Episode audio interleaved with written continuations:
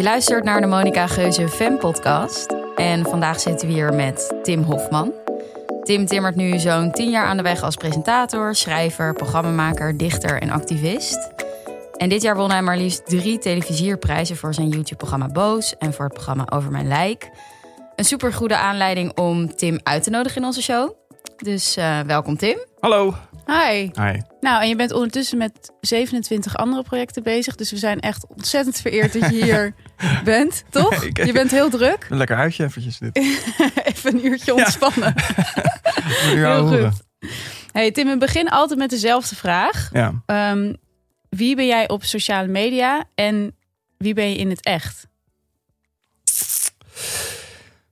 Um, volgens mij zit daar heel veel overlap in. Ik op sociale media en ik in het echt. Als ik even, even naga, wat ik geef. Ja, dat ligt een beetje aan welk sociale medium. Ik, ik denk dat ik overal een stuk laat zien. Dus op Twitter doe ik significant wat anders dan op Instagram. En op stories van Instagram weer wat anders dan op mijn feed. En Facebook gebruik ik eigenlijk niet echt. En uh, YouTube maakt boos op. Maar die twee dingen, Instagram en Twitter, daar, daar, daar beweeg ik me heel veel op. Zoals output als input. En op Twitter gaat het veel over journalistiek en maatschappij en politiek. En, en beschouwend en, en kritisch. Um, kleine columns eigenlijk. En um, wat feller ben ik daar denk ik ook. En op stories van Instagram geef ik een stuk van mezelf. Wat, wat, wat, wat, en, en, en dat gaat over uh, grapjes maken tot aan muziek delen. En de alledaagse dingen tot aan soms ook wat kritiek. Um, en op de feed is dat de laatste tijd voornamelijk promo voor mijn werk. Omdat ik niet zodanig iets heb beleefd. Dat ik denk, nou, dit is één vette foto. Dan ga ik ook niet met een filter een fotootje maken. Dan, hé, hey, dit ben ik nu. Heb ik gewoon geen zin in. Misschien in het nieuwe jaar weer of zo. En zet je die kanalen strategisch in voor je werk? Of ja, is het echt een soort ja. intrinsieke motivatie dat je iets wilt delen? Allebei. Ja. Um, het is ook een makkelijk medium om af en toe even gehoord te worden. Of om even Ja. connectie met mensen te vinden. Zeker op Twitter. Oh, dat is toch een pool. Daar begeef ik me ook 10, 12 jaar op. Waar je, waar je heel veel mensen kent. Ik, ik, ik dacht laatst over na. Ik dacht, jezus, ik ken sommigen van jullie al zo lang. Heb ik één keer ontmoet. Maar ik weet zoveel Van van jullie. Twitter. Ja, en jullie ook over mij. En dat, uh, ja. Ja. Vind je dat waardevolle connecties? Ja. Mensen, ja? Nou, sowieso. en je hebt er veel aan, toch? Ik denk dat jij Ja. met name ook wel echt iemand bent Ja. die ehm, professioneel wel heel erg ook zijn weg heeft gevonden, ook via die sociale media. 100 procent. Dus eh, ik ben daar heel strategisch in geweest. Vanaf het begin, ik noem dat echt bloedserieus. Ook. Ja? ja 2000 Vanaf het begin op Twitter dacht je, oké, ik ga hier eens even connecties maken. Ja, 2009, 2010. Ik, vond, ik, vond, ik weet nog dat ik begon en dat ik dacht, oh, wat... wat... Ik, ik, ik begon in een tijd dat het heel slecht ging met me. En toen heb ik een Twitter-accountje gemaakt. En toen op een gegeven moment kreeg ik respons en werd ik gehoord. En las ik mensen en er was een soort interactie. En ik dacht, oh, ik ben echt aanzienlijk minder eenzaam op deze studentenkamer in mijn ongelukkige relatie. En uh, whatever de fuck allemaal misgaat hier. Toen dacht ik, nou, dit is prettig. Um, maar ik had ook een hang naar platform, om, omdat ik vind wel eens wat. En ik, maak, ik maakte toen al veel dingen. Ik dacht, nou Deed ja. je toen al voor BNN dingen? Of, of Nee, nee, nee, nee, nee, nee. Dat kwam ik denk één, twee jaar later pas. Um, en toen dacht ik, wat is nou de truc hier? En ik weet nog dat ik daarmee begon. En dat ik um, dacht, ik moet volgens mij niet zo heel veel... Want ik, want ik, ik maakte wel al dingen, of dat nou kleine gedichtjes waren. En op een gegeven moment ook filmpjes en uh, whatever. Um, en uh, ik, ik, had een, blog. En uh, in de tijd dat Ernst Fout, ik zie zijn boek hier liggen, daar, daarmee begonnen was. was. was heel groot natuurlijk, bloggen. Seks, blogs en rock en roll. Zo heette het eerste boek van Ernst. Ja, dat was het. Ja, ja ik was daar echt bij hoor. Ernst met zijn lang haar, zijn half hoge laarsjes. Maar hoe oud ben jij? Je bent 32. 30, ja, dus je- ik, ik denk altijd, mensen die hebben geblogd, die zijn echt veel ouder dan ik. Maar je bent dus maar drie jaar ouder dan ik. Waarom heb ik dan ja. niet geblogd? Weet Dat ik is niet. Misschien meer een Nou, vraag ja. aan mezelf. ja, daar gaan we het zo eens over hebben. Maar ik weet nog dat ik dacht, ik, het model moet volgens mij niet zijn dat ik nu 100.000 volgers wil vergaren. Volgens mij moet het er 100 zijn waarvan er één iemand bij zit met een groter bereik dan ik. Daar Mm. moet ik dan bij opvallen. Die moet dat doorgeven, et cetera, et cetera, et cetera. En die strategie heb ik eigenlijk heel lang zo gedaan met als ik filmpjes maakte, dat het wel de pers haalde, omdat ik gevolgd Maar had je dan echt een doel? Wat Wow. was het doel dan? Uh, platform creëren. Maar presentator worden of... Uh... Nee, niet zozeer. Nee, nee, je wilde gewoon gehoord worden.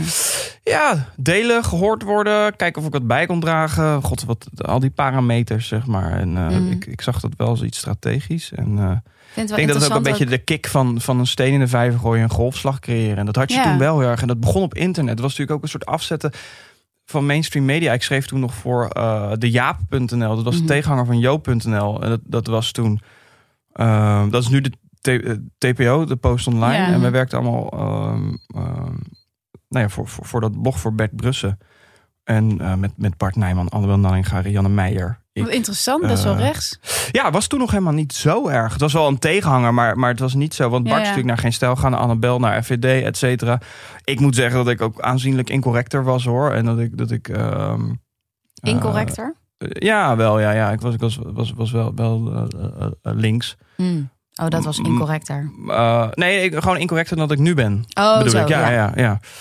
Ehm, maar dat voor mij ook een. Ik schreef over muziek daar. Dus ik, ik, Nou had, ik had een het is muziekcolumn. Ja, ja, ja. Nee, ja, ik vond het heel leuk. Dus mijn, mijn grote hobby, al dan niet passie. Ik vind het wel interessant wat je zegt. Want de meeste wat je nu hoort, vooral voor sociale media, is dat het eenzaamheid vergroot onder jongeren. Maar Ja. jij vertelt eigenlijk dat het je uit je eenzaamheid haalde. Ja, ik heb dat nooit zo ervaren. Ja. Nee? Nee, maar ik snap wel dat het gebeurt hoor. Eh, En zie je dat ook? Onder je volgers bijvoorbeeld? ehm, oh, dat zij er eenzamer van Ja. worden. Ik, ik zie dat. Dat is de grap aan social media. Je, ziet ziet natuurlijk niet wat er Nee, echt maar- gebeurt. nee. Maar ik de, we komen dat wel veel tegen in gesprekken. Of, eh, Mm. ja, natuurlijk. Ja. En ja. vind je sociale media een vloek of een zegen?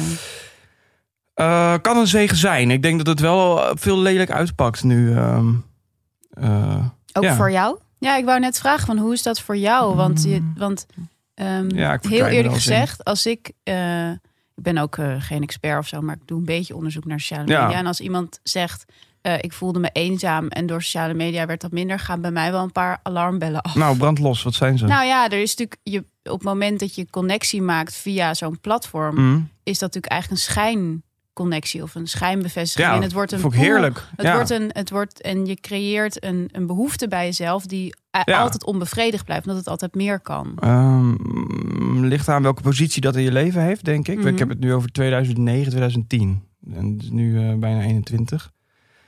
Dus ik heb dat wel een andere plek gegeven in mijn leven. Toen was dat echt iets... het- nogmaals, ik zat toen vrij eh, slechte plek in mezelf op mijn studentenkamer. eh, een beetje te falen op de universiteit en alle, alle andere zaken die misgingen in mijn leven. Dus toen was dat een hele fijne uitkomst. Nu Ja, ja.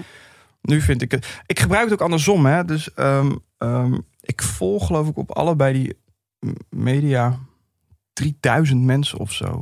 Twee keer 3000 mensen. Ja, en ja. eh, die lezen zie ik niet allemaal, maar er komt wel veel voorbij. En dat, dat, dat, dat ehm, ik, ik hou zo journalistiek bij en politiek bij, maar ook allerlei generaties en allerlei stemmen en allerlei achtergronden. En, en de, dus het is voor mij een heel fijn. ehm, fijne tool om te begrijpen wie wat nou waarvan vindt. Of wie welke problematiek tegenkomt. Of weet je wel. Mm. En, ja, ja, eh, dus het is eigenlijk een wederkerige Ja. relatie Ja, geworden. en in mijn de werk afgelopen jaren. is dat heel prettig. Ik, en, en zeker als ik mijn werk wil gebruiken voor maatschappelijke zaken, moet ik wel weten waar ik over lul. En, en dit helpt daar wel goed bij. Dus het hele. eh, en soms eh, vormt het. Ik, ik ben heel erg veranderd eh, door Twitter. Soms kreeg ik enorm lazer als ik iets zei. Maar ik heb ook heel veel gelezen over feminisme. ehm, over mensen die problemen hebben die ik niet heb. Omdat ik ben natuurlijk een, ehm, een gezonde witte hetero man. Dus ja, wat, daar, daar, Zorg je dan ook voor dat je verschillende soorten stemmen volgt? ja, Ja. Ja, ja, dat gaat van uiterst rechts naar uiterst links.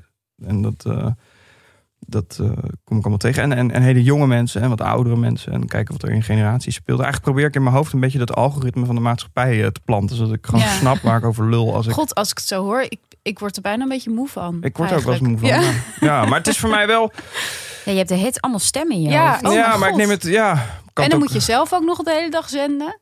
Ja, nou, ik moet helemaal niks, hè. Maar... eh, Heb je wel eens, vind je het wel eens moeilijk om Tim Hofman uit te zetten? mm, op sociale media. Ja, bijvoorbeeld. Oh, jawel. Ja hoor. Het werkt me ook wel eens tegen. Word ik er doodmoe van. Of open ik Twitter, ben ik drie, binnen drie minuten ongelukkig. En ben je, ben je jezelf Ja, online? ja.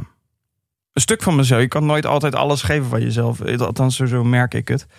Zijn er Eh. eigenschappen die je uitvergroot? Mm. Eigenschappen niet, maar kijk, wa- wat ik daar wel. Kijk, daarom, je hebt het verschil. Bijvoorbeeld voor Instagram benadruk ik eh, de stories en de feed. En die feed zijn ook heel vaak dingen die te maken hebben met, met, met winst of highlights. Ehm, en in die stories is het wat alledaagser. Dat werkt elkaar ook wel in de hand. Ehm, en voor wat ik doe en met de, de, de, de intentie waar, waarmee ik dingen maak. En nou ik vind missie een groot woord, maar wat ik. Wat ik Maar, maar zeg het maar wel zo. nou ja, de missie voelt als een soort eindpunt. Dat heb ik niet. Maar ehm, het, het staat in dienst van mijn werk en wat ik wil. En wat is je missie dan? Ehm, nou, het is dus geen missie. Maar, Laten we het geen missie noemen, maar Ehm, Wat is het? Nou ja, dat, dat verschilt per keer. Kijk, wat ik vaak probeer is ergens enigszins eh, te prikken waar, waar ik denk dat geprikt moet worden in een, in een maatschappij. Ik merk dat dat gewoon soms wel eens werkt.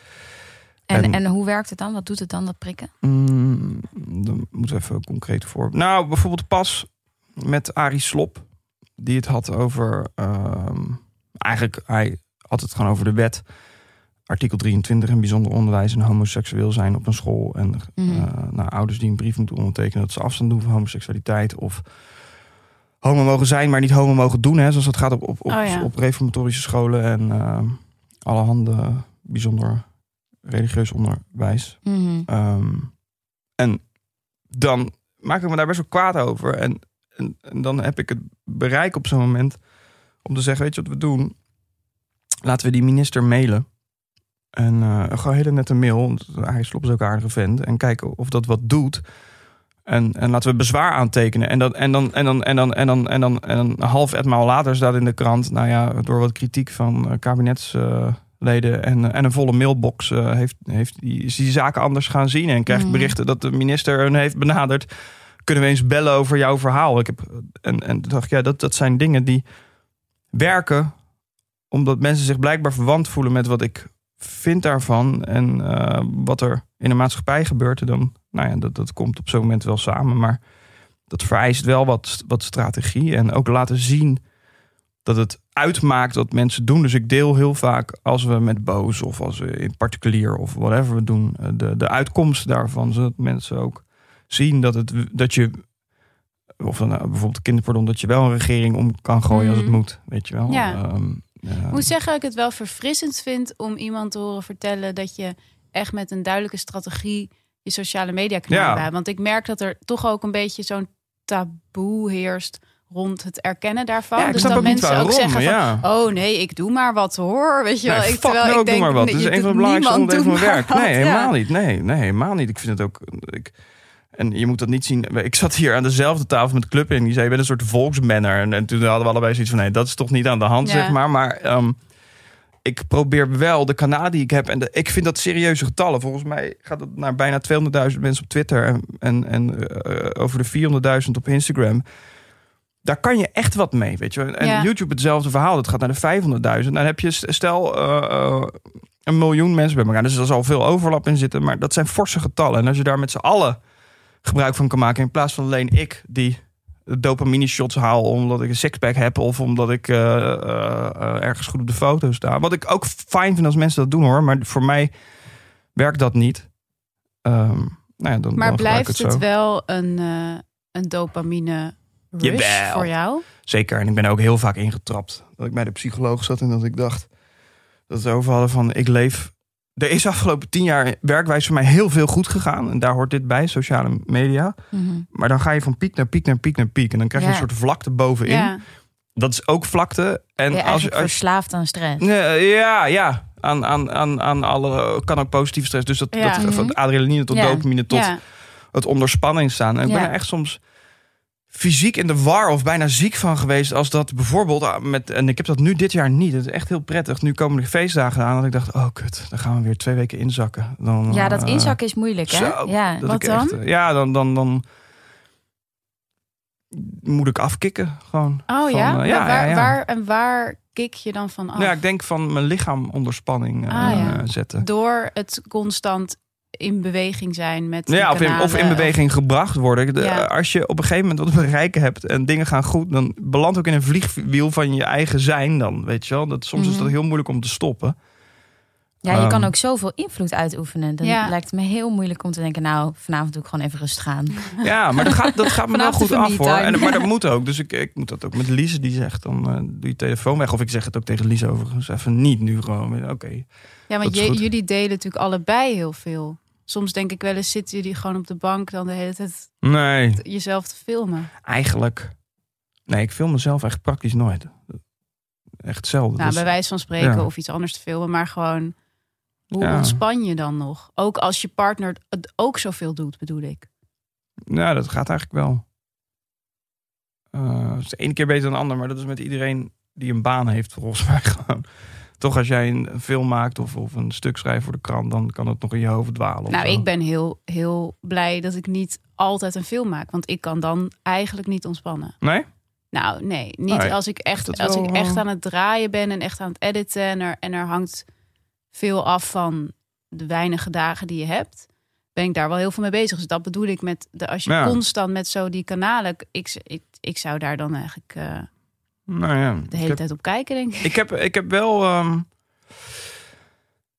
periodes dat dat minder is gegaan. Of dat ik het niet onder controle had. Of dat er dingen veranderen. Of dat er bijvoorbeeld, dat heb je wel eens, dat, dat mijn bereik opeens veel groter werd. Of, of dat ik mee ga draaien in een Mm. nieuw soort pool met een nieuw soort publiek. Weet je, ik maak sinds vorig jaar, of dit jaar is het uitgezonden over mijn lijk. Dat is weer een heel ander publiek. Eh, met een heel andere spanwijdte. Daar kijken opeens anderhalf miljoen mensen naar per keer. Mhm. Ehm, dus dat betekent ook dat, dat, dat ik dat, dat, dat wat de pers doet met mijn zijn soms eh, een andere dynamiek veroorzaakt. Dus ehm, Want had je eerst een... Wat weet je van je volgers? Wat voor, weet je wat voor mensen het zijn? ehm, ja, dat ligt een beetje aan welk medium, denk ik ook weer. Maar, maar waar hebben we het dan over? YouTube, Instagram, Twitter of tv? Nou, ik kan me voorstellen dat je met Boos en met je Instagram... voordat je over mijn lijk deed bijvoorbeeld... best wel een homogene groep jongeren bedient. Ja, veel Dus jonge dat- mensen. Ja, ja. dus daar, daar zijn nu wat. wat ehm, en we hebben ook met Boos daar een schakeling in gemaakt. Want ik ben natuurlijk ook voor de wereld een beetje het product dat ik maak, Mhm. zeg maar. Ehm, eh, zijn daar wel veel eh 30, 40 publiek bijgekomen, zeg maar. En wat uh, over mijn lijk wordt door, door een heel breed publiek gezien. Mhm. Maar ik weet niet of die altijd ook eh, of dat eh, aan mij eh, blijft kleven online, zeg maar. Maar de slag die we met Boos hebben gemaakt en, en over mijn lijk heeft er wel voor gezorgd. En dat zag ik ook in volgersaantallen en andere respons, andere repliek. Verandert dat ook wat je maakt met Boos? Nee, nee, nee. nee we, we, we, we hebben Boos sinds deze zomer omgegooid. Omdat we dat infantiele geneuzel in Boos gewoon zat waren.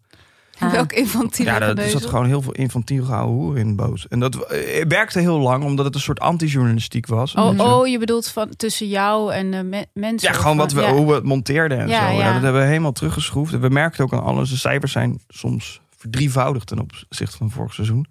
Wow. Dat is echt een, is een soort enorm. professionaliseringsslag. Ja, dus we zaten. eh, en, en we hadden het ook nodig voor, qua uitdaging. Niet per se voor de kijkers hoor, maar gewoon. eh, ehm, boos, boos werkt natuurlijk door de achterban die er aan kleeft, zeg maar. Daar kan je Mhm. druk mee zetten, of dat nou op een eh, winkel is of op politiek. En ehm, nou, we vonden het gewoon. Nou, en als die achterban dus verandert, dan zul je ook... dan moet de inhoud ook mee, toch? Ja, maar we hebben het andersom gedaan. Ja, we precies. zijn gewoon gaan zitten, vier dagen in een huis, begin maart, een week voor de pandemie. Een klassieke heidag. Eh eigenlijk. nou ja, hij weekend. Ja. Hij weekend. En eh, daar hebben we eigenlijk alles omgegooid op een groot whiteboard. Toen wilden we gaan beginnen. Toen kwam die pandemie. Toen hebben we eerst een podcast gemaakt. Toen zijn we in juni Ah, ja. begonnen met wat we wilden gaan doen. En dat ging echt door het dak, joh. Dat is soms een miljoen kijkers. eh, eh, Kan je dan ehm, genieten? ja hoor.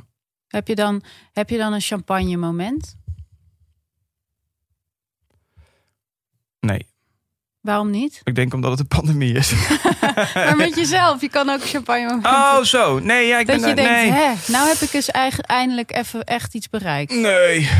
Eh, ik, ehm, ik had... eh, Kap eens even met dat ding. zo, ja, sorry. Dat Ik- tikken. jullie zitten zo stil dat je dat kan, joh. Ja, wij zijn heel zen met Ja. yoga. ik, eh, dit is niet in mijn aard. maar daar gaat het gesprek volgens mij over. Blijkbaar, ja. Ja. Ehm, Altijd in beweging. Nee, ik bedoel, heb je dan een moment dat je denkt... Zo, nee, nou nee. heb ik eens even iets neergezet. Nu nee. ga ik hier eens even van genieten. Nee. Oh, zo. Ik geniet er wel van hoor. Maar ik, ik zat vorig jaar najaar bij de psycholoog. Toen zei ik, ik moet even helemaal terug naar de basis nu. Wat wil ik ook weer? En daar hoorde niet bij alleen maar pieken en alleen maar vieren. Heb ik wel heel lang wel gedaan. En was fantastisch. Ehm, Oh, maar je kan dus wel vieren. Jawel. Ja, ja zeker. En, de, en, en, en, en met boos in normale omstandigheden doen we dat ook geregeld. Ja, ja. Dat, dat- Nee, want dat vind ik dus zelf bijvoorbeeld dat het moeilijk met zo'n project. Ehm, ik heb dat Paulien Cornelissen wel eens horen zeggen dat zij zich altijd afvraagt waar het champagne moment blijft. En dat ze dat gewoon nooit echt ervaart van dat moment dat je denkt, Nee? zo. Oh, jawel hoor. Ja, heb ik wel. Ja, maar daar hebben we eigenlijk best veel gedaan de afgelopen jaren. Echt tering veel eigenlijk. ja, verzinnen wel wat. En, en hoe ga je om met kritiek? Nou, neem ik eigenlijk best wel aan. Ik had pas bij Boos dat, dat er een, onderneemster was... die had Ja. echt veel mensen geld afhandig gemaakt. Hè. En ik Van was gewoon... Fashion of Ja, eh, zoiets ja. zoiets? Ja. Ik sta daar voor de deur en er staat daar een vrouw... en die hangt een van de lulverhaal tegen me op. En, Nou, ze zag er burn-out uit wel. ehm, En depressief. Iets in die geest, ja. Ja. ja. en, maar ik kreeg daar ook een beetje de indruk dat het desinteresse was. Dat zie je misschien op camera niet. en op een gegeven moment dacht ik, ja, ik sta hier bij boef nummer 250. En toen kreeg ik een beetje de slappe lach. Ik dacht, wat, wat zeg jij nou tegen mij? En ik heb dat ja, er gewoon ze zei ingelaten. letterlijk dingen als bijvoorbeeld voor de luisteraar die het niet gezien heeft van Ja. facturen. Ja, ik weet niet echt precies hoe dat werkt. weet niet hoe dat werkt. Ik verstuur Ja. uit een factuur. Gewoon, een- ze heeft gewoon een bedrijf. Ik ben niet zo goed met geld. Ja, Al dat soort zaken. En toen, ja, nou ja, goed. En hij las mij cool. Mijn moeder belde me ook van, hé, wat was dit? Weet je? En toen dacht ik, ja, ik weet het, man. Maar ja, ik ben, je op zo'n moment ook empathisch met degene die... Nee, toen niet. Nee. En daar heb ik wel spijt van. Ja, dat want, snap want, ik. want ik ehm, heb dat ook heel vaak niet hoor. Dat denk ik, joh, zak erin. Maar bij haar Mhm. dacht ik, weet je, je werkt je in de schulden. Eh, dat heeft zij namelijk blijkbaar gedaan. Ja. Ehm, dat is eigenlijk een maatschappelijk probleem. Ja. Je moet Ja, zo ja. iemand een handvat bieden. En dat heb ik op dat moment niet gedaan. Mhm.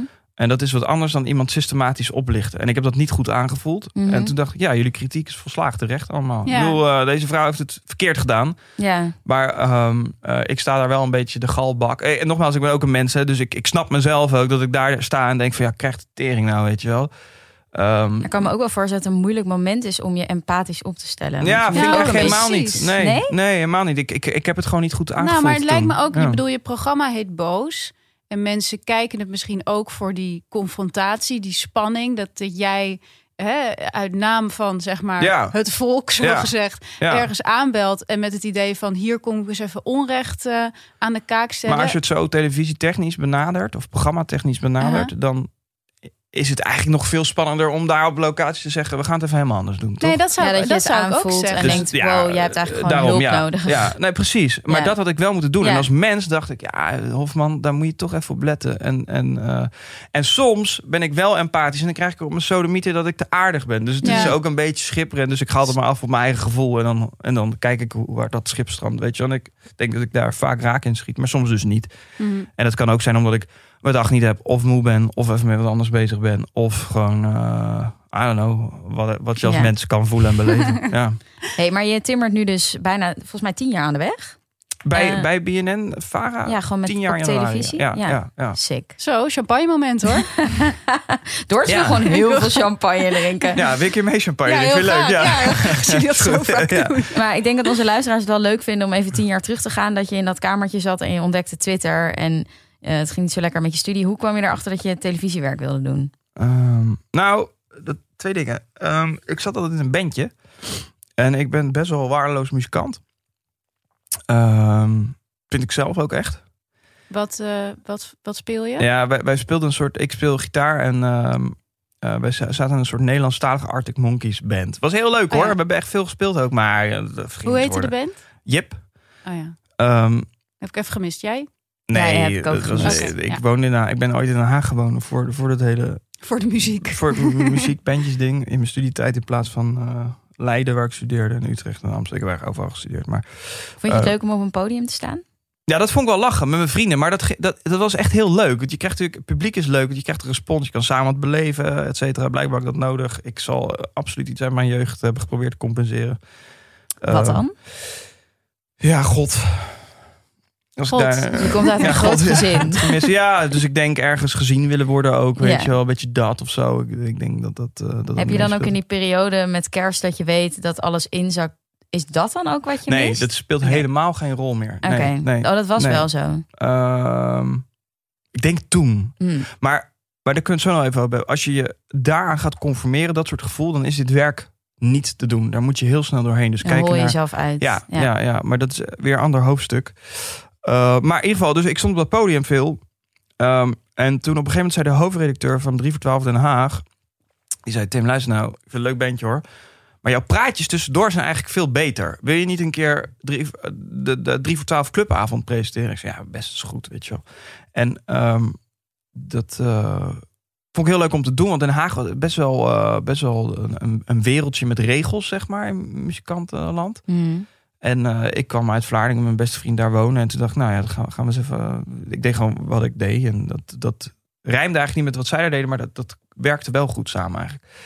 Um, en toen, binnen een maand of tien of zo, stond ik daar voor 10.000 mensen te presenteren. Was het echt een ding dat ik daar de festivals presenteerde. En toen op een gegeven moment was het heel moeilijk om s'avonds half zeven op Koningsnacht, of Koningennacht was het toen geloof ik nog, um, publiek warm te maken. Dus dat, Mhm. mm -hmm. toen verzon ik dat er overal camera's hingen en dat mensen live op televisie waren. En dan vraat ze opeens uit mijn hand. Dus dan zei Oh, ik, jongens, ja, je moet wel even je best doen, want we zijn op tv. Oh ja, oké. Dus die mensen helemaal uit een dak dingen, goede applausjes. Ik dacht, ja, dit is makkelijk. Meteen de macht ik van heb de camera. camera. Kijk wat daar gebeurt dan. Ja, Toen dacht ik, oh, dat is wel leuk. En toen ben ik filmpjes gaan maken. Wow, dat is wel echt interessant. Want in zekere zin kan je dat helemaal doortrekken naar boos, toch? Dat je eigenlijk Ja. zegt Ja. van Ja. op het moment dat je weet, er kijken veel mensen mee.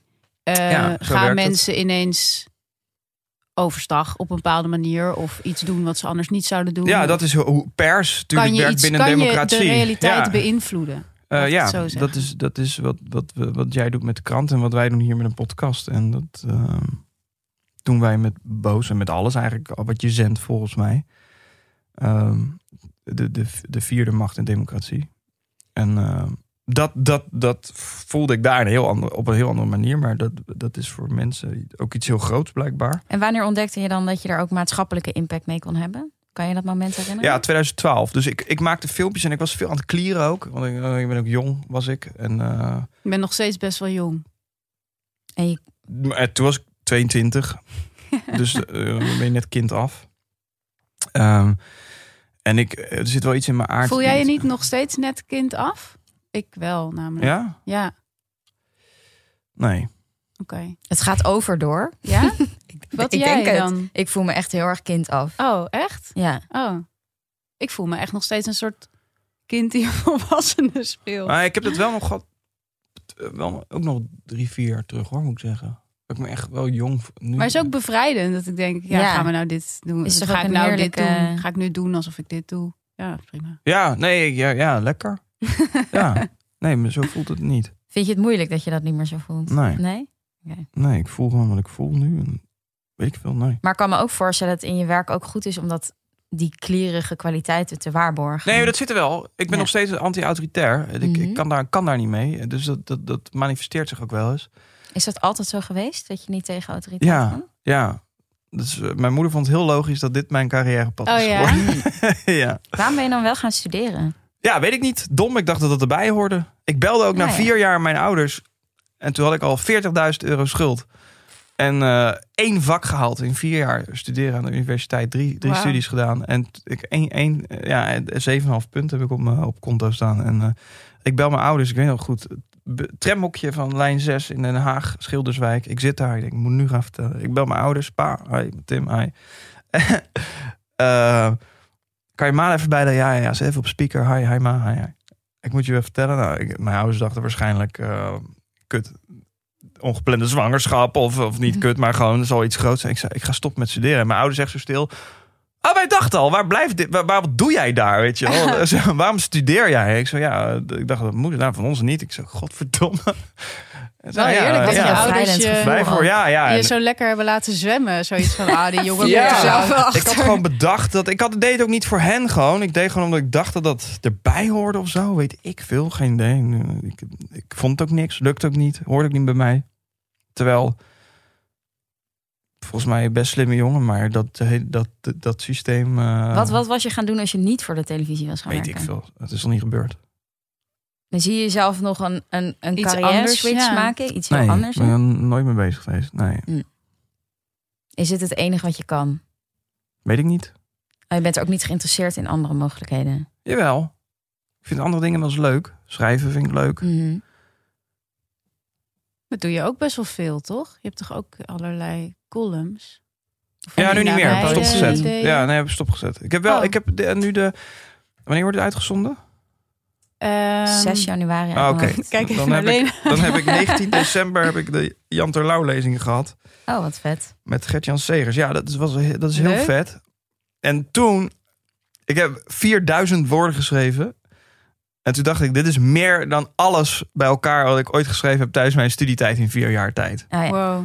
Dat was echt voor mij een prestatie. En eh, mijn focus is eh, heel, eh, dat vind ik heel, heel moeilijk. Dus het was echt, eh, dat doen was heel, eh, Je vindt het moeilijk om lang met één ding bezig te zijn. Ja. ja. ja. Dus ik heb, ik heb eigenlijk mijn leven daaromheen gebouwd. Oké. Dus eh, als ik een set oploop en ik heb tekst en ik heb een A4'tje tekst, Mhm. dan kan ik dat heel snel nu opslaan. Ik heb mezelf daarop getraind toen op dat podium eh, in Den Haag. Eh, wat ik dan deed, ik had niet de focus om dan alle bandbio's uit mijn hoofd te leren. Mhm. Of om presentatieteksten te schrijven. Ik dacht, ja, ga dat gaat gewoon niet lukken. Dus wat ik dan deed, op grote podia had je een meter of acht om naar de mic te lopen. En dan gaf ik mezelf die acht meter om een tekst te maken in mijn hoofd met een, eh, een kop, staart en alle informatie. En daar moest ik in doen. Dus de eerste vijf keer ging ik vo- volledig op mijn mel. Die vijf keer daarna was beter. En op een gegeven moment werd dat een hele strakke truc. Dus ik merkte ook Ja. voor het eerst dat ik bij BNNVARA auditie deed, dat ik een tekst kreeg. En dat ik dacht, ja, dit vind ik niet zo moeilijk dit. Want dat- Mhm. dat, zo heb ik mijn hoofd geprogrammeerd. Omdat blijkbaar als ik dat niet doe, werkt het niet. Want studeren lukt het niet. Wer- werk je alleen onder druk? Ja, wel het best, volgens Ja. mij, ja.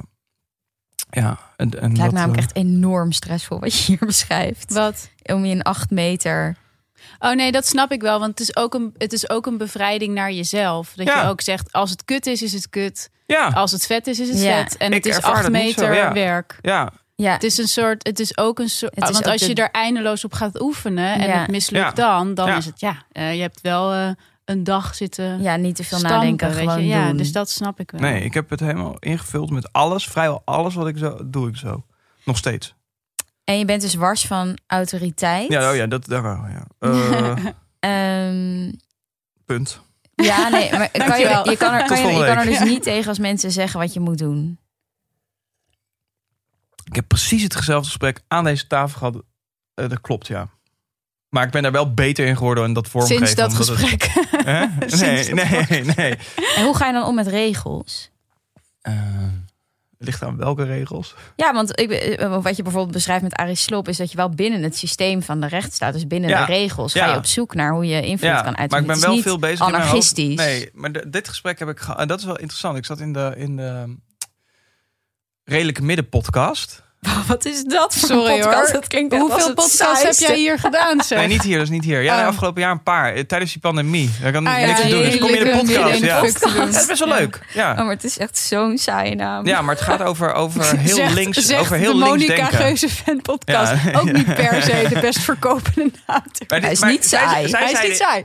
Nee, zeker niet. Maar zij, zij, zij zeiden, je bent wel binnen, binnen het systeem Ja, eh, eh, aan het dweilen, zeg ik. Toen dacht ik, Mhm. Ja, dat, is goed, dat, is ook, dat ligt ook binnen mijn macht. Maar ik ben sindsdien staat het wel aan. Dat ik denk, ja, een vorm van anarchisme. En ik vind anarchisme waaruit volslagen chaos en, en pijn en ellende ontstaat, vind ik niks. Maar, maar denk je dat dat gebeurt als de regels afgeschaft worden? Dat er dan... het ligt aan welke regels. Ja, als je alle regels afschaft, dan, ik heb geen idee. Ik weet niet waar we nu zijn. Laten laat het proberen. Denk je dat de mensen van nature goed zijn of slecht? Eh, geloof, ik geloof niet in de ethiek voor ingegeven in natuur. Oké. Ik geloof in, eh, we hebben één instinct, leven, eh, overleven. Mhm. Daar meten we alles op af en daar, daar schroeven we moraal, eh, of daar stellen we moraal op af. Als, de, als zeg maar de pleuris uitbreekt. De Ja. oorlog de van zombies alle tegen komen. alle. eh, de corona. Ja. neemt die- wat doe jij? Weet ik niet. Waarschijnlijk in het verzet ergens. Ja. Gewoon Interessant wel. Je denkt heel... eh, wij vragen, stellen je vragen eh, met, met hypotheses van Ja. mogelijke scenario's. Dan zeg je meteen, eh, weet ik niet. Is dat iets wat je jezelf hebt aangeleerd? Dat je gewoon geen... Ik weet het niet. Ik heb het Dingen niet over vooruit denkt. nagedacht. Ja. Maar, ik, denk vind het wel, leuk om over dat soort dingen na te denken Ja. zelf. Ik denk dat ik. ehm, Ik zou niet in mijn team gaan. Waarom niet?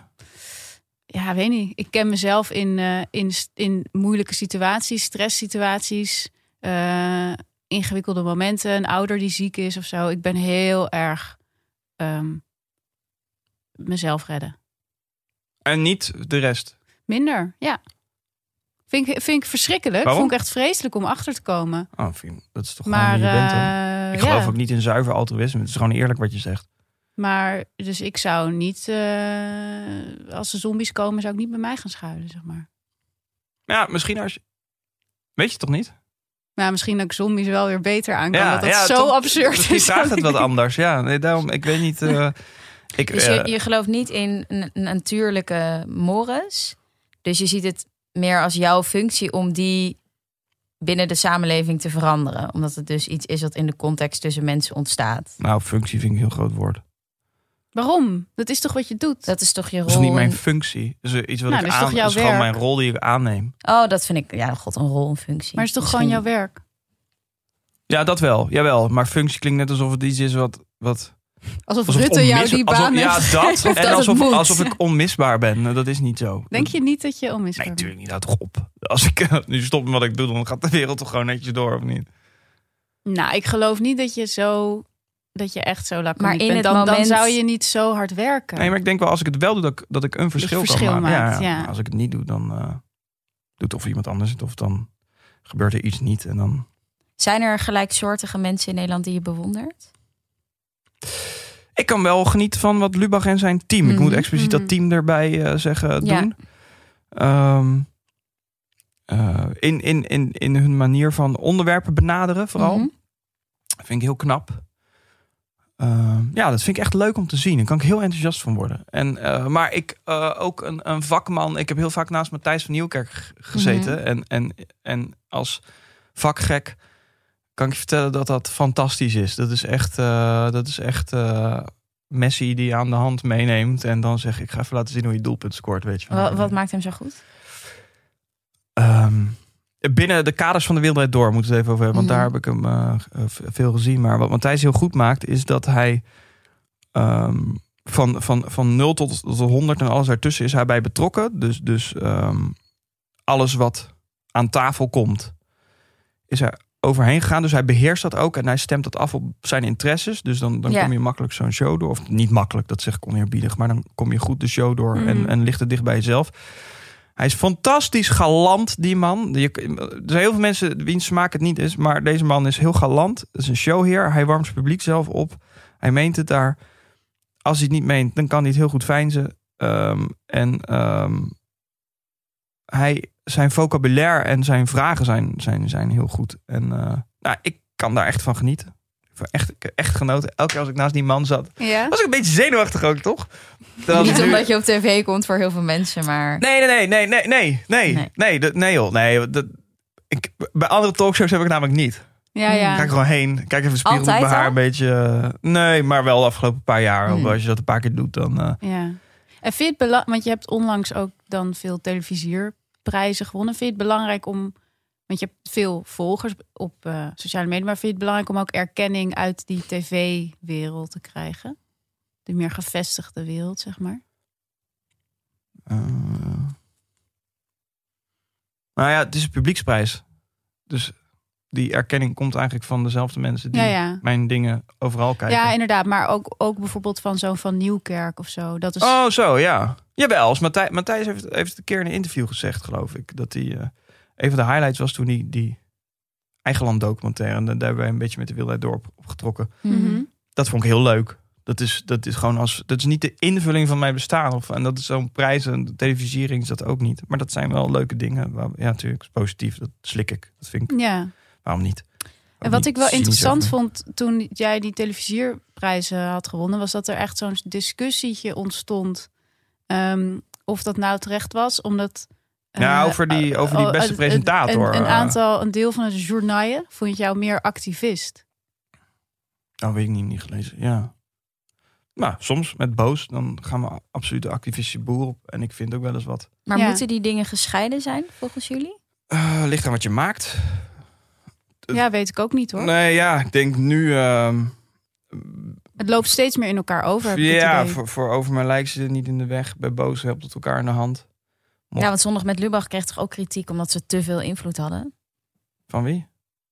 Ook van de journaaien. Wij krijgen bij de consumenten ook echt heel vaak kritiek dat wij activistisch zijn. eh, eh, weet je, praatprogramma's op de radio. Of, eh, ik Nou, denk dan altijd aan Thijs van de Brink of zo, weet je wel. Er is gewoon een garde die vindt dat journalistiek Gijs neutraal moet zijn. Ja. Ja, of dat je, Maar dat je, nou, dat je minder dat kan toch naast activistisch... elkaar? Je kan toch... Nou ja, ik vraag me dat dus. Ik, ik denk het ook, maar ik vraag me het ook af. Ik, ik heb bijvoorbeeld zelf dat ik merk dat ik ehm, eh, bijvoorbeeld in deze podcast. Ik denk nu al bijvoorbeeld, oeh, moet ik straks, moet ik misschien dat stukje eruit knippen? Ga ik nu niet doen, want nu noem ik het. Eh, over dat ik niet bij mezelf zou schuilen als er een zombie-apocalypse komt. Gewoon puur omdat ik denk, ik ben ook gewoon journalist, moet iedereen kunnen interviewen. En op de een of andere manier wil ik dat ik Dat kan toch ook? dat ik altijd. Ja, nee, het, ik zeg ook niet dat het niet kan, maar dit is gewoon hoe Ja, ik het soms ja. voel. Dat ik denk, ik moet altijd een soort van neutraal terrein zijn voor iemand die met mij praat. En die Maar moet niet ondertussen ja, maar denken. als, als iemand met jou praat. Ja, toch? maar ik, ja, als ik mensen spreek. Nee, dat bedoel ik. werk. Maar daarnaast ben je toch ook een mens? Journalistiek Ja. gaat om waarheidsvinding. En eh, dat wordt gedaan door mensen die niet objectief door het leven gaan. Dus, dus dat kan je volgens mij prima naast elkaar. Het enige is dat we het nu altijd gedaan hebben alsof dat niet zo is. Hmm. Ja, nee, dat vind, ik, dat vind ik ook een goed punt. En ik denk dat het ook de andere kant op werkt. Dus dat Ja. eh, ik bijvoorbeeld in mijn werk ook juist weer meer gedaan krijg en meer mensen te spreken krijg. Ja. Omdat ik meer van Ja. mezelf laat zien. Maar ik vind het een slippery slope, zeg maar. Ik vind het een. Jawel, ja, dat is, ik snap wat je zegt. Ja. En je Ja. zegt bijvoorbeeld niet wat je stemt. Nee, omdat ik daadwerkelijk denk dat dat nog wel eens invloed zou kunnen hebben. Eh, en, eh, Dat mensen dat ook gaan stemmen? Of dat ze je bijvoorbeeld, video's niet of, meer kijken? Of, of, of, of, of, of misschien omdat ze het idee hebben dat ik dan voor een politieke partij zou eh, de agenda van de politieke partij eh, uit zou oefenen of zo, weet je wel. Mhm. Dus dat wil ik niet. Vind ik lelijk. Is ook niet aan de hand. Dus dat, eh, ik weet trouwens helemaal niet wat ik ga stemmen nu. Dus dat is ook nog- God, nee. Nou, dat gaat natuurlijk ook nog gebeuren Ja, in maart. gaat ook nog gebeuren, ja. Jeetje, Jezus. andere is het dan nooit genoeg? Maar even over journalistiek nog, want ik zit even te Ja. denken, maar journalistiek op zichzelf is iets super radicaals. Waarheidsvinding ten behoeve van controleren van macht is op zichzelf helemaal niet een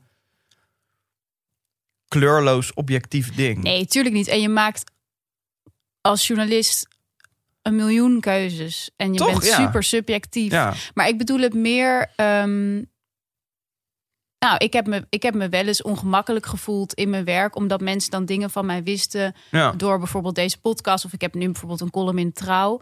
Ehm, ik maar merk ook in andere relaties, toch? Kan het ook ongemakkelijk zijn? kan het ook ongemakkelijk zijn. Kan überhaupt ongemakkelijk zijn. Maar meer in mijn werk, dat vind ik dan niet zo heel. Maar ik vind meer in mijn werk als iemand ineens tijdens een interview. eh, wat over iets heel anders gaat, iets aan mij terugserveert. wat ik bijvoorbeeld hier heb gezegd. ja, maar waarom doe je dat dan? Hier gaan zitten en trouw. Nou, dat is dus de vraag. Ja. En omdat ik het allebei leuk vind. Ik vind Ja. het en leuk om iets van mezelf te laten zien en daarmee ook weer anderen te inspireren. Of eh, nou ja, tot een interessant gesprek te komen met jou. Ik bedoel, als ik hier alleen maar als een soort hele basic eh, interviewer zou zitten, zou dit gesprek veel minder leuk zijn. Waarom deel jij persoonlijke dingen over jezelf? Oh ja, ik zit even te denken maar dat, wat dat dan is. Maar... Nou, je, je vertelt natuurlijk open over dat je eh, een soort depressieve tijd hebt Oh, gehad. zo, voordat je- ja. Nou ja, Ja. en In de documentaire in die, met Lize in die periode je- met Lize Ja, hebben nee, dat is ook ook zo. heel veel gedeeld. Ja, nou ja, Lise vooral. Ik heb daar eigenlijk helemaal niks over gezegd verder, maar in die, in die film wel natuurlijk. Eh, ja, waarom niet?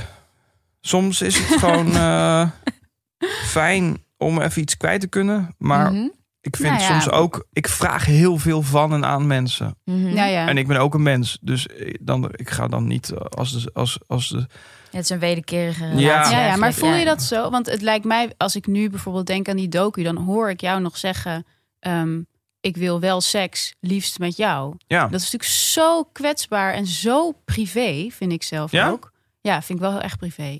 Ja, maar het is aan jou, of voor mij zou dat privé Ja, voelen. ik Of zie dat- dat heel anders. Ja, ik, weet je, En vind je dat dan niet raar dat iedereen dat, dat van jou kent, dat, dat deel? ik heb dat nog nooit zo gevoeld.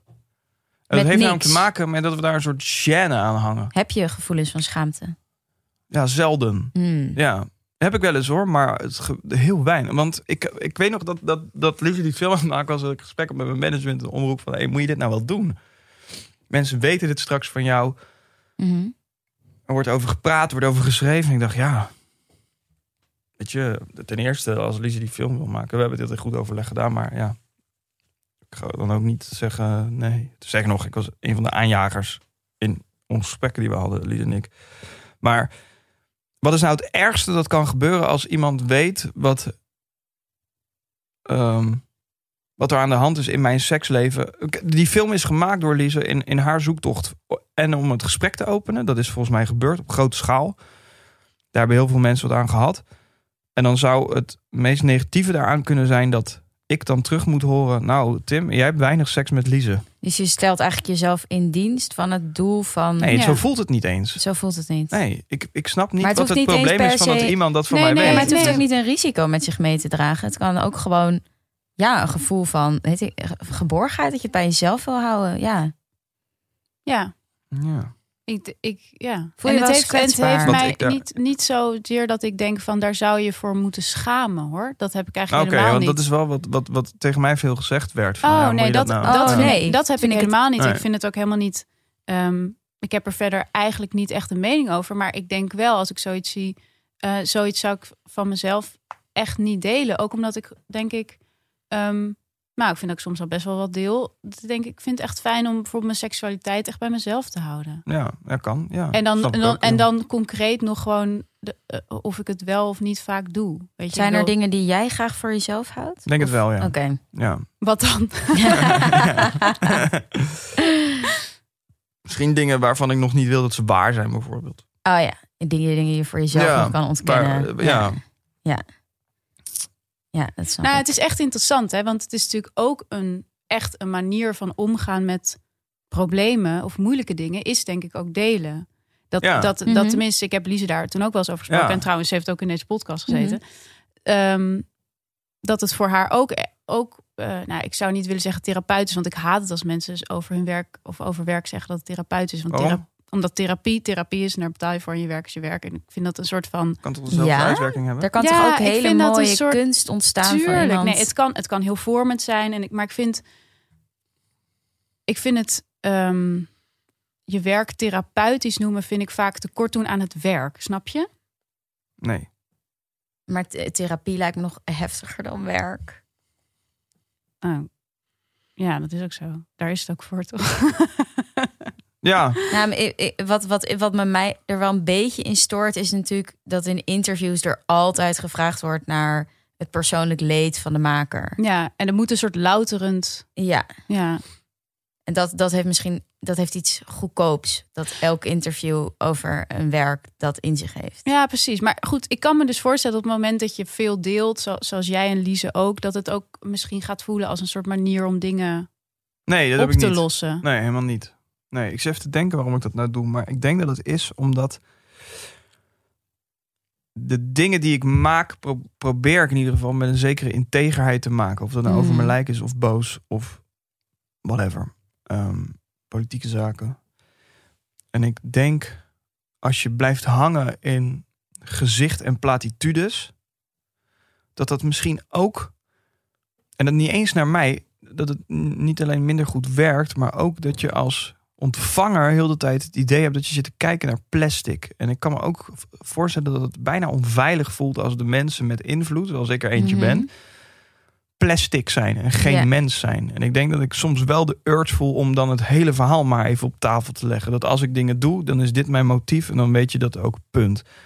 Soms is dat iets gevoelsmatig, soms is dat de ervaring, soms is dat omdat ik, eh, weet ik veel, iemand mij iets verteld heeft. Ehm,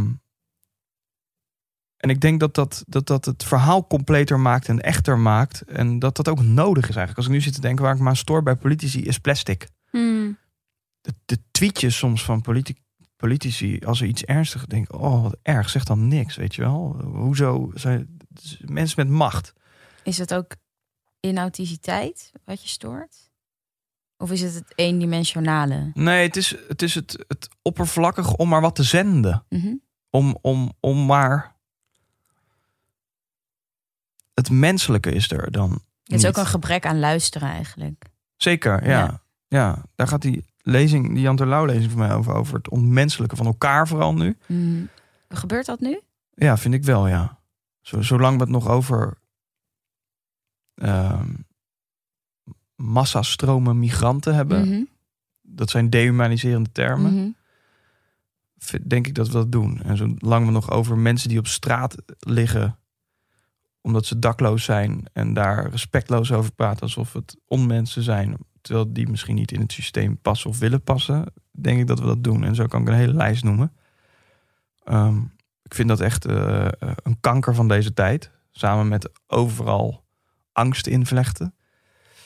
Maar ehm, dat vind ik dus ook met zenders. Als je jezelf ontmenselijkt of je boodschap ontmenselijkt. En ik hou, ik hou daar, want we zijn namelijk mensen. Dat, net waar we over journalistiek hebben. Dat is ook niet iets wat we moeten verbergen, denk ik. Ik denk dat we er minder bang voor moeten zijn zelfs.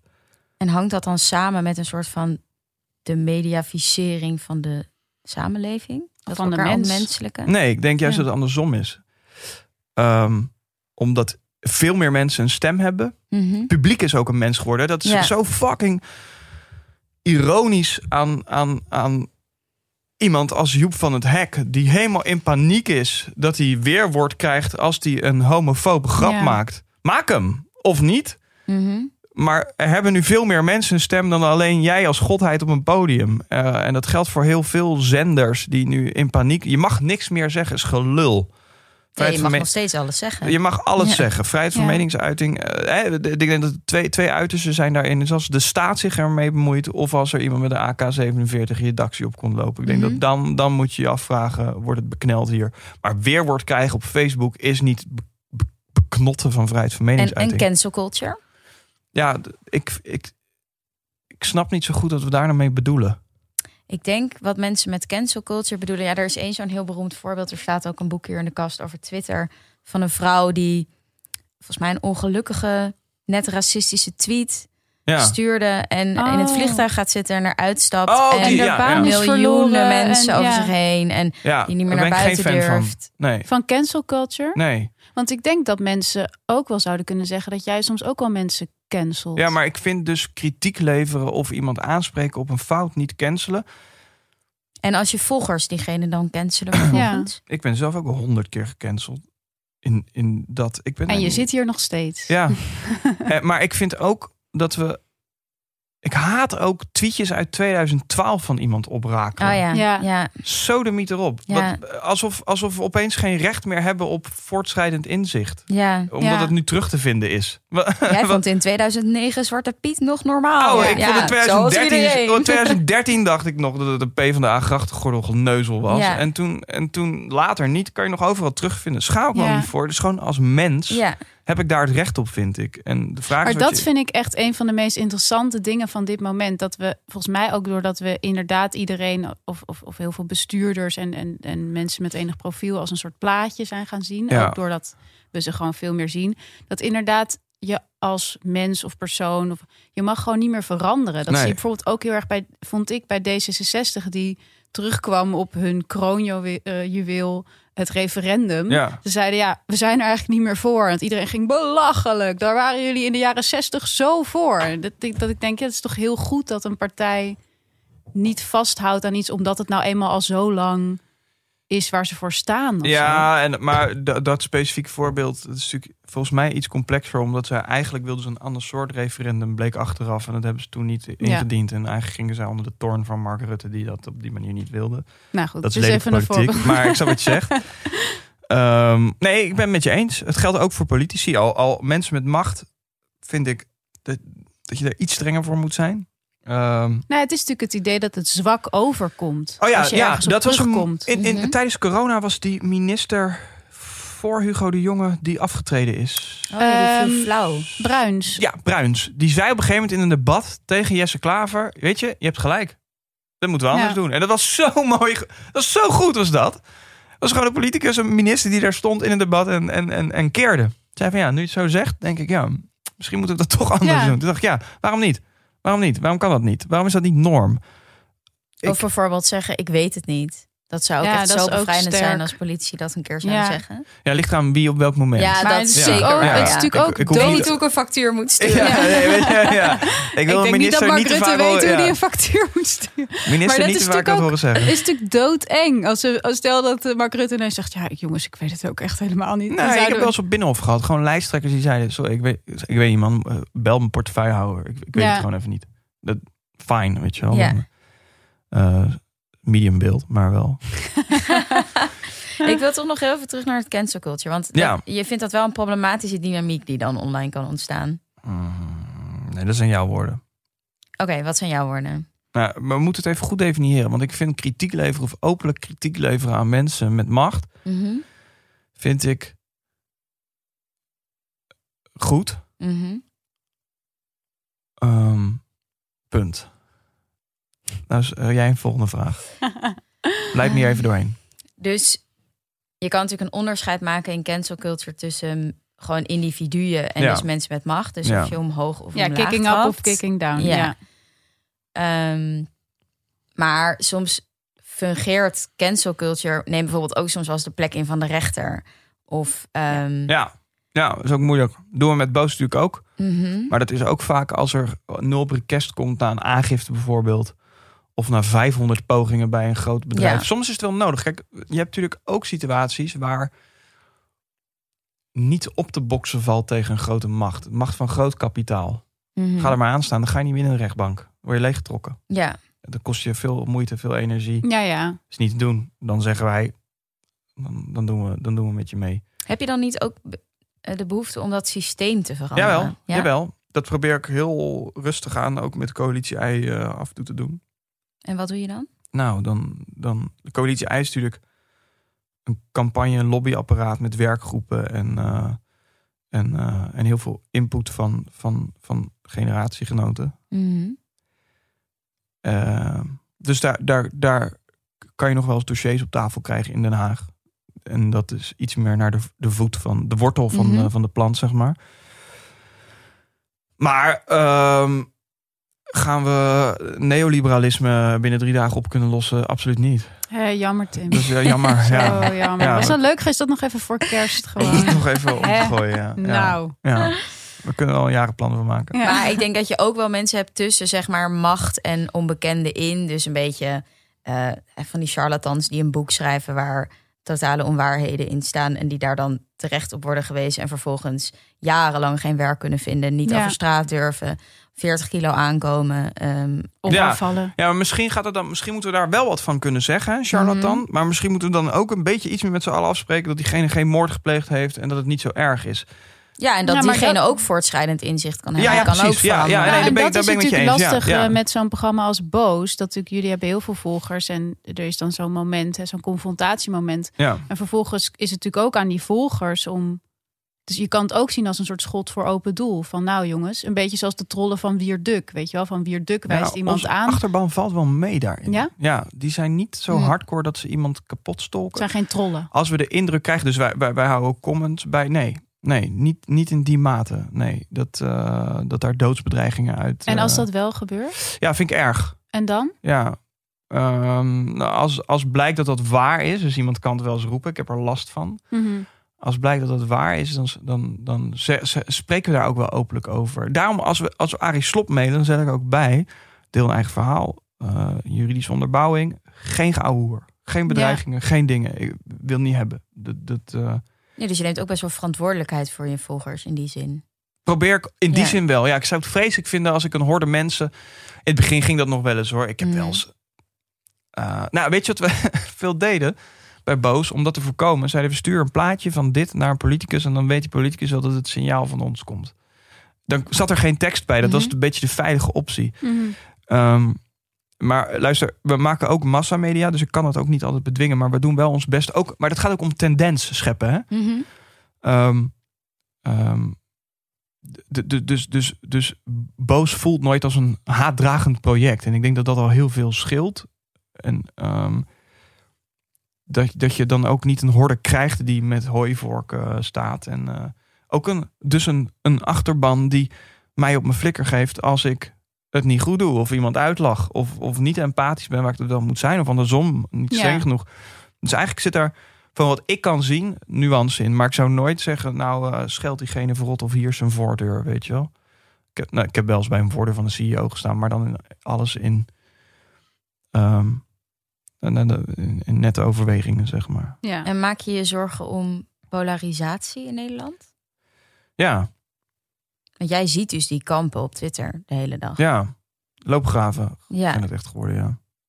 Ja, dat vind ik wel... eh, En heb wel. je behoefte om daar iets aan te doen? soms. Soms helemaal niet. Soms ben ik ook gewoon een schoft die even wat wil roepen over Kees van der Staaij. Ja, In plaats van je, wil vragen, wat, waarom zeg je dit nou eigenlijk? ja, want je rol is nu, eh, eh, wat je al eerder beschreef, het prikken. Als, er, als je het gevoel hebt dat er een misstand is of onrechtvaardigheid ergens gebeurt, dat je daar bent. Je zou je, je natuurlijk ook kunnen zien als verbinder. Ja. Ver- Verbinden is natuurlijk niet iets object, s- verbi- nou, niet iets absoluuts ook. En ook niet wie je nou eigenlijk met wie verbindt. Dus, dus Ja, ja, dat is een beetje abstract. Als ik Ja. zeg van, hé, die loopgraven, breng jij die even bij ja, elkaar. Ja. dat. Ja, Ik denk dat boos in een zekere zin wel verbindt, maar misschien wel een niet homo groep, homogene groep mensen Mhm. tegen het idee van macht. Nou, boos geeft natuurlijk inderdaad vooral mensen een stem. ook. Ja, dat. Dus, dus dat. ehm, Dus in die zin is dat niet echt verbindend, maar meer een stem geven aan mensen die misschien Ja. anders niet hadden, waardoor er nog een stem is. Het is ja, dat en, en misschien een gezamenlijk idee van. niet, eh. niet te machteloos zijn. Ja, dat. Ja, en, maar wie heb je dan tegenover je? Ik vind dat ook. Sorry, binnen onze maatschappij vind ik dat een heel interessante dynamiek. Ehm, vroeger had je natuurlijk de klassenstrijd. Nou vind ik klasse een beetje vies woord. Maar je ziet dus dat mensen die. Waarom vind Door- je dat een vies woord? Ja, klasse. Alsof, alsof je dan een Hou je hoog en in een stand laag... Ja, ja, ja, ja, ja, ja, alsof we het over kasten hebben, weet je wel. Dat, Ja. ik, ik vind, vind dat niks. Maar even in de geest van dat idee.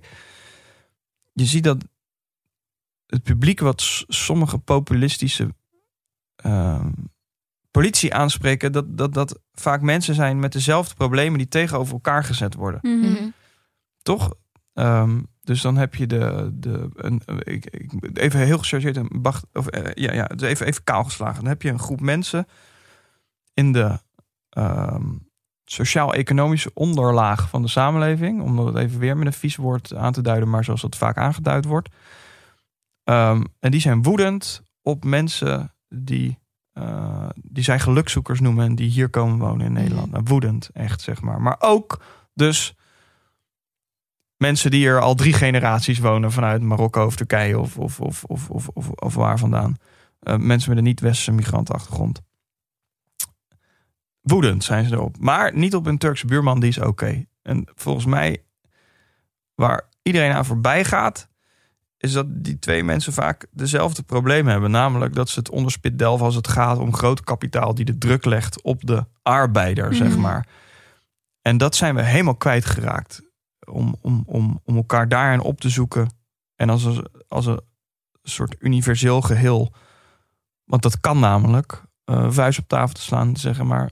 Dit willen wij niet. En in plaats daarvan hebben we nu een Wilders die zegt. Haat je Marokkaanse buurman? Ja, ja, dus Zou je een boos maken met iemand met zo'n soort probleem? Dus iemand die bijvoorbeeld zegt: Ik kom nergens aan de bak, want ik ben een jongen van een witte jongen van 20 uit uh, Tuindorp Ja. Oostzaan. Maar al- al- alle nieuwe Nederlanders komen wel eh, aan werk. Ja. Zou je dat doen? Ja, nou, a- a- als dat feitelijk waar zou zijn, dan kan je het erover hebben.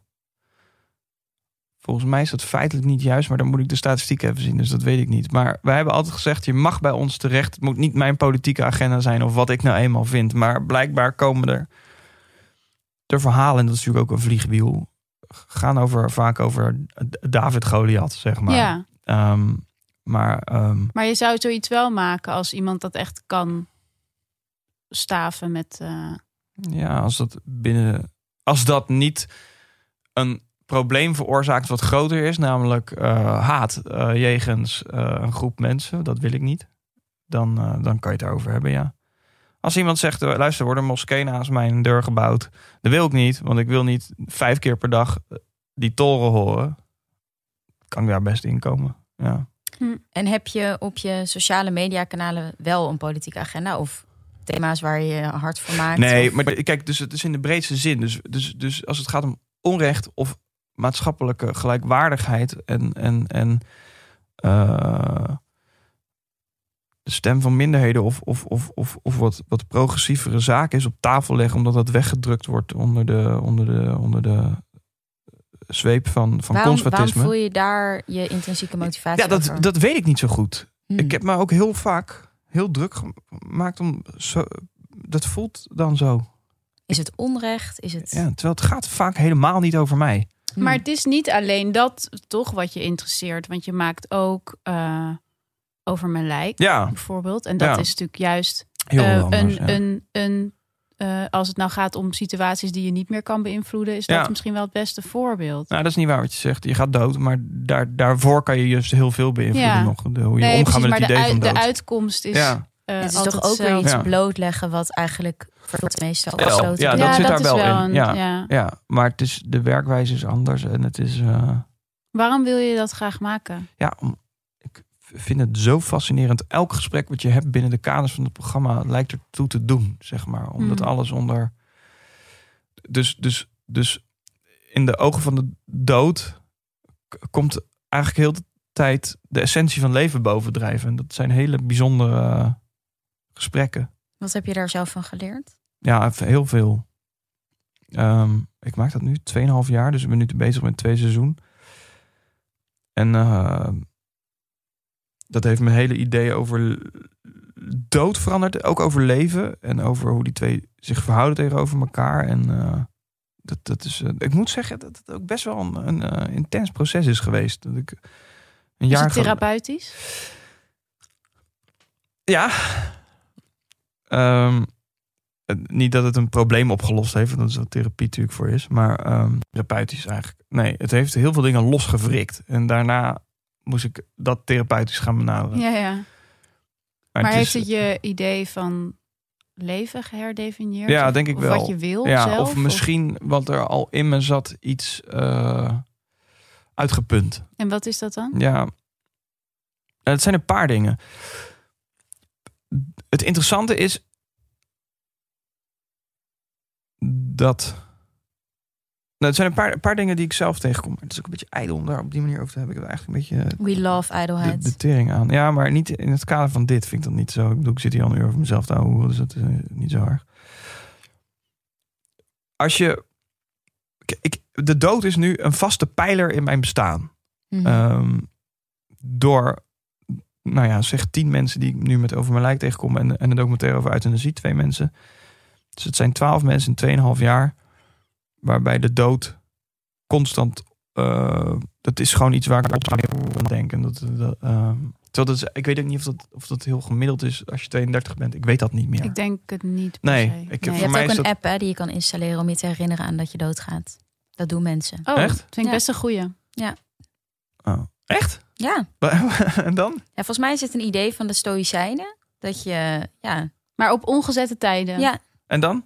ja, dan word je herinnerd aan het feit dat je doodgaat. Waarom wil je dat? Nou, ik denk om de ervaring die jij hebt gehad met Over Mijn Lijk, dat vul ik voor je in. Maar dat je beseft dat dit eindig is. Ja, nou, daar wilde ik dus naartoe. Zingevend. Ja, maar, maar Daar is een app voor Nee, dat. Maar dat, dat de dood. Ik vind leven bij gratie van de dood dus helemaal niet mooi. En dat is dus gek genoeg wat al de mensen. dat- Het is eigenlijk een, structurele denkfout die, die gemaakt wordt. Wat jij nu zegt, vind ik. Mhm. Mensen die gaan sterven. leven. ongelooflijk in het moment. Dus van Mhm. minuut tot minuut. Waardoor je eigenlijk het dood. de dood uit het zicht. eh, meer mensen overtuigd horen zeggen. Jeroen, Fabienne. Luister, dit is ergens ook een van de beste dingen die me kon overkomen. Mhm. Gek genoeg. Ik ga dood. Ik heb kanker. Zit in mijn hoofd. Niks aan te doen. Ik heb nog maar kort. Zeg een half jaar. Ehm, maar ik voel alles. En die mensen leven veel meer dan misschien jij en ik. Bij gratie van leven. Ja, In en plaats van bij gratie van de dood. Als je, als je gaat leven omdat je maar 80 jaar hebt. ehm, nee, ik denk dat die app ook wel echt bedoeld is, juist om je te realiseren dat het enige wat er is, het moment nu. Dat heb ik ook heel erg geleerd van Over Mijn Lijk. Dat al die mensen zijn niet bezig met de volgende uitslag. Nee. Of Nee. eh, de prognose. Want het moment dat je dat Ja. doet, dan laat je je leven beheersen door het feit dat je ziek bent en Maar- doodgaat. Maar, maar als je. Dus wat we vaak zeggen, je, je, hebt, je hebt maar zo kort, hè? dat zeggen we vaak tegen Mm. elkaar. Je hebt maar zo kort. Ik heb eigenlijk geleerd om dingen te gaan doen omdat ik ze wil doen op dit moment. Mhm. En niet omdat ik maar zo kort heb. Eigenlijk zou ik hetzelfde, als ik duizend jaar mag leven, zou ik, is mijn streven om hetzelfde Mhm. dan wanneer ik maar 40 jaar mag leven. En En een soort dat? planmatig. Ja, best wel goed. Ja, Ja? ja? ik ben, en wat, ben je andere dingen gaan doen? nee, ik ben minder rigide geworden naar mezelf toe. Dus? Ehm, nou, ik was altijd wel stellig in, in eh, komende vijf jaar wil ik dit doen. Ieder jaar een lijstje. Dit zijn mijn doelen, dit zijn mijn doelstellingen. En, en zo ga ik het doen. Of dat nou werkwijs is, financieel is of eh, op sportvlak of alles Wat waar je... grappig is dat ik helemaal niet achter je gezocht. Nee?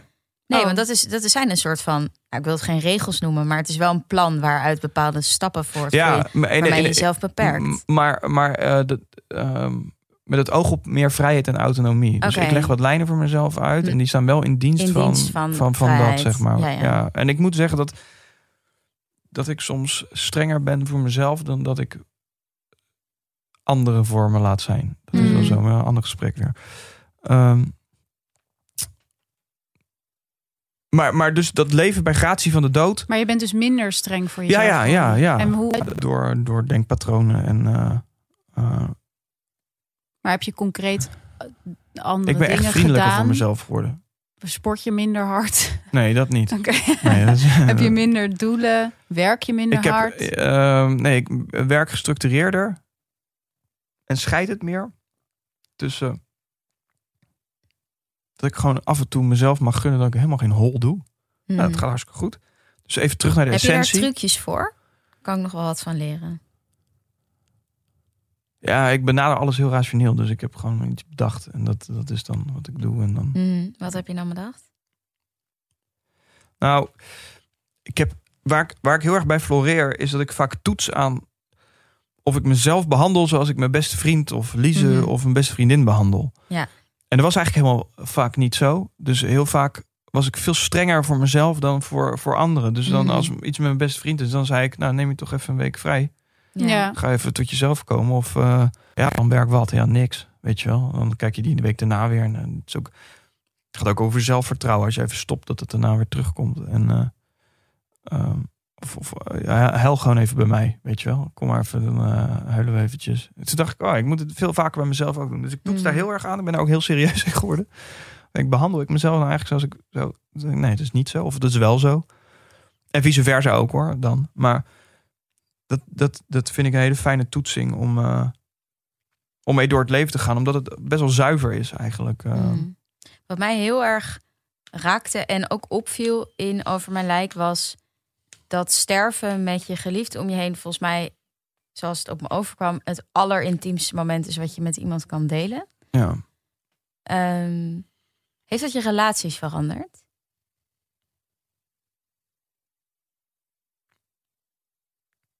Moet ik even terug naar hoe het daarvoor was. Eh, ja, daar was ik. Ehm, dus ik, ik ga vaak even terug naar de essentie. Dus waarom doe ik mijn werk? Waarom ben ik met mensen? En dat gaat eigenlijk vaak over intimiteit. Ehm, en het delen met de mensen om me heen wat er, wat er is. Dus ik vind boos maken fantastisch leuk. Maar eigenlijk het meest omdat we met een team zitten en een clubje. Mhm. En dan een beetje high-fiven, dus champagne moment. Maar ook als het niet goed gaat, gaat het niet goed. En dat is ook wel moeilijk met zo'n pandemie. Als je allemaal op afstand van elkaar zit, weet je. En als je even door de grond gaat, dan ga je met z'n allen. Nou ja, dat is best wel in, intiem. En hetzelfde geldt voor relaties en, eh, en vriendschappen. En dat komt er mede door over mijn lijk dat ik meer ben gaan kijken of ik nou aan de essentie van mijn eigen leven voldoe in de uitwerking. En dan kwam ik ook Hmm. achter dat het gewoon heel vaak helemaal niet zo was. Dat ik dus van kick naar kick ging. Ja, ja. Maar waarom deed ik dat dan? Wat, wat zit er dan niet goed? Maar ja, weet als dat de essentie van je leven Ja, dat was is. het niet in ieder geval. Dat kan. Maar bij mij was dat in ieder geval niet zo. Ja, ja. Wat is dan de essentie van jouw leven? Nou ja, ik denk, ik denk de intimiteit met de mensen om me heen. Ja, ja. En, eh, en, en, en dan wil ik wel een gebouw opbouwen. Ik heb wel meer nodig dan dat. Maar dat fundament moet wel goed liggen. Goh, En- ik vind het wel echt heel mooi om daarop uit te komen. Als we beginnen bij jongen die ongelukkig op een studentenkamer zit... en dan op Twitter een beetje zijn hel zoekt... en uiteindelijk via al die kanalen allerlei dingen gaat doen... en uiteindelijk een programma maakt over doodgaan... en dan eigenlijk bij zichzelf ontdekt... hé, hey, ik heb al die kicks van buitenaf niet nodig. Ik moet gewoon verbinden met de mensen Ja. om me heen. Maar ik heb die kicks wel allemaal nodig gehad om mezelf Ja, op te bouwen. ja. maar echt. eh, en, en, en alle waardering. En alles wat ik heb eh, de afgelopen tien jaar heb ik echt voor 30 mensen geleefd, geloof ik. En eh, de hele wereld over. Ik heb eh, heel veel gedaan. En, en ik heb het allemaal wel nodig gehad om op dit punt te komen. Dus ik heb niet zoiets van, oh, dan heb ik tien jaar lang besteed aan leegte. Helemaal niet. Ik heb echt Ja. Nee, je bent eigenlijk dat huis gaan bouwen en je vond het fundament. Ja, ja. Of misschien vond ik weer het fundament. En ben ik dat Mhm. gewoon toen de tijd, toen 10, 12 jaar geleden, even kwijtgeraakt. En heb ik dit allemaal nodig gehad om, om even terug naar de te komen. En een zieloos soort leven ben gegaan af. Dat is helemaal niet waar hoor. Maar in de. In de ehm, weet je wat het is? Het leven wat ik leid, kan je heel makkelijk pleisteren. Dus eh, met dopamine, Mhm. of met prestaties, of met Heb je dat ook nodig om niet te vervallen in een depressie? Nee, maar ik heb het wel vaak gebruikt om het niet te doen. Mhm. Mm. Zonder dat ik het door had. Tot ik, en, en dat ik dacht, ah, nu ben ik er toch ingetrapt. Mm. Ik ben gewoon aan het pleisteren. Het kan namelijk ook. Ja. Ik stuur drie dingen eruit en dan denk ik, nou, voel me Ja. even, weet je wel. En dat is niet dat het... Het is niet dat er helemaal niks over was. Ik bedoel, het is niet dat ik verder een zwart gat... maar ik heb wel vaak soms even gepleisterd. Of omdat de situatie dat vroeg, omdat ik mezelf gewoon zoveel oplegde. Mhm. Ehm, nou, dat gaat eigenlijk best wel lang goed. Tot ik dacht, nou, nu voelt het niet meer fijn. En toen ben ik weer eens met een psycholoog gaan zitten. dacht ik, ah ja, die heeft niks gezegd. Gewoon, gewoon gezeten en ik begon te houden. En dan weet je wel, op een gegeven moment kom je Dat is tot wat het ze denkt, Ja. Zo van, ah, wacht even. Volgens mij wil ik gewoon dat iemand, eh, dat ik het gewoon leuk heb met iemand, weet je wel. Ja. Wat zou je je 18-jarige zelf adviseren? de bank. Mm. Maar Was je ook zo dat het bang? oké Ja? is, ja, maar ook dat het oké is om te zijn wie je bent. Dus als je wel bang bent, dat dat, dat, dat oké is. Ehm, Ja, daarmee lost natuurlijk een deel van de angst ook op. ja, Ja. dat is de, de grap en de truc Ja. aan angst. Ehm, ja, ik heb wel me, tussen mijn 18 en mijn 2, 23ste mijn hele leven, zoals ik dat nu doe, naar hoe ik het prettig vind, mijn hele bestaan richt, heb ik dat altijd gedaan. Toen naar waar ben ik nou eigenlijk bang voor en hoe hoef ik dat niet te voelen? Nou, dat is de ongelukkigste periode uit mijn leven geweest. Ben je verslavingsgevoelig? Want je had ook verslaafd kunnen worden. Nee, En je bent zo te zien wel een beetje verslaafd aan tattoos. Ja, ik vind dat heel leuk. Ja, ja. Ja, je hebt Elio, Elio, Elio. Ja. Ja. Vertel. Oh, wat ja tof- ik, vind die film fantastisch. Call me by your name. Ja, ik kom weer bij je nemen. Ja, ja. Ja. Ja, En die scène echt. Nou, ik weet nog dat ik die voor het eerst zag. En dat ik, ik stond op de bank. Ja. Uit enthousiasme. Gewoon maar hoe mooi ik het geschreven. Ik dacht, ja, dit is toch. Ja. Dit is het toch? Heb je ook ET 45? Nee. Het is een beetje de, de Franse versie van van Call Me By Your Name. Bij het, in, achter het decor van ehm Normandië in een zomer in Oh. 1985. Nou, misschien een Het is volgende echt heel mooi. Ook, ja, je wil daarna alleen maar rechterribben. platonse streepjes aan. Ik vond hem echt heerlijk. Oh, wat goed. Hey Tim, ter afsluiting. eh wij krijgen best wel vaak ehm, vragen van eh, luisteraars van eh, hoe word je nou journalist of hoe eh, maak je carrière in de media of zo. Wat zou jij, wat zou jij mensen aanraden?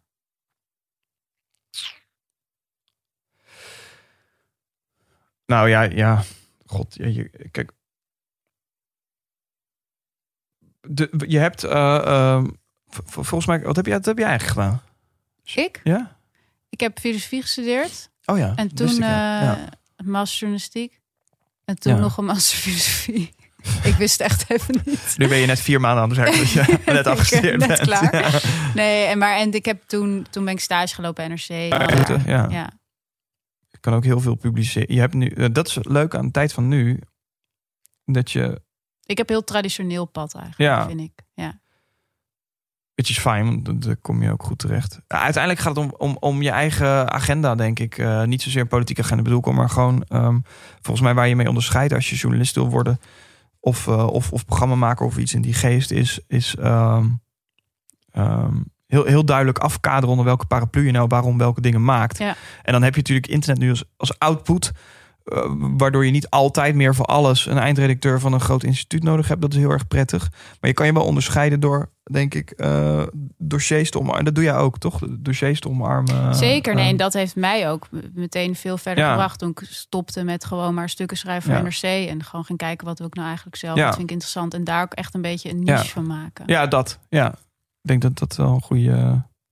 En dus, Zorg dat de mensen met veel meer bereik dan jij jou zien. Soms is Ja. 100 volgers, volgers, 1000 volgers met weinig volgers. Dat is, eh, Echt een super goede tip. Goeie tip. Mhm. Ja. ja. dat werkt goed voor mij in ieder geval. Wat gebeurt er als nu, we gaan nu bijna op eh, stop drukken. Ja. Wat, ga- wat gaat er dan gebeuren in jouw leven? Eh, Op stop Ik heb het gevoel dat je uit een soort orkaan binnenkwam en nu weer terug een orkaan. ja, dat, ja, ja, ja. Nou ja, de, eh, de, eh, eindmontage van, eh, van documentaire. Oké, Dat ga ik, eh, daar ga ik me zo weer verdiepen. oké. Dus lekker druk. Lekker veel. Lekker Ja, maar wel- keuzes maken. Wel vanavond vrij hoor. Dus ik ga niet tot tien uur daar zitten en dan moeilijk. En dan nog, dat heb ik wel afgelopen dagen een paar keer gedaan. Maar, m- m- maar eh, voor nu, komende twee weken, staat het niet zo op de agenda. Daar word ik veel gelukkiger van ook. Goed zo. Lekker. Super fijn dat je er was. Oh ja, oké. Oh, sorry. Oh, moeten- we kunnen ook wel vertellen wat we gaan doen. We gaan nog een interview doen. Leuk. Nog een podcast. Ja. Wij maken ook een professionaliseringsslag met onze podcast. Twee op één dag. Twee op één dag. Holy shit. Ja, dus even knallen. Ja. Nou, veel leuk. En plezier. eh, daarna heb ik rijles. Een verjaardag. Ik hoop dat die mist een beetje weg is, want eh, Ja, het mist ja. anders wordt het niks met mij op rijles 10. Rij- Oh ja, heb je tien? Ik ben nu bij rijles 10, ja. Kan je het al?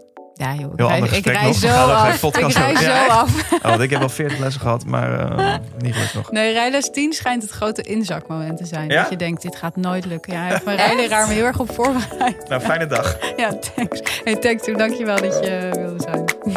Veel plezier. En dank voor het luisteren. Doei.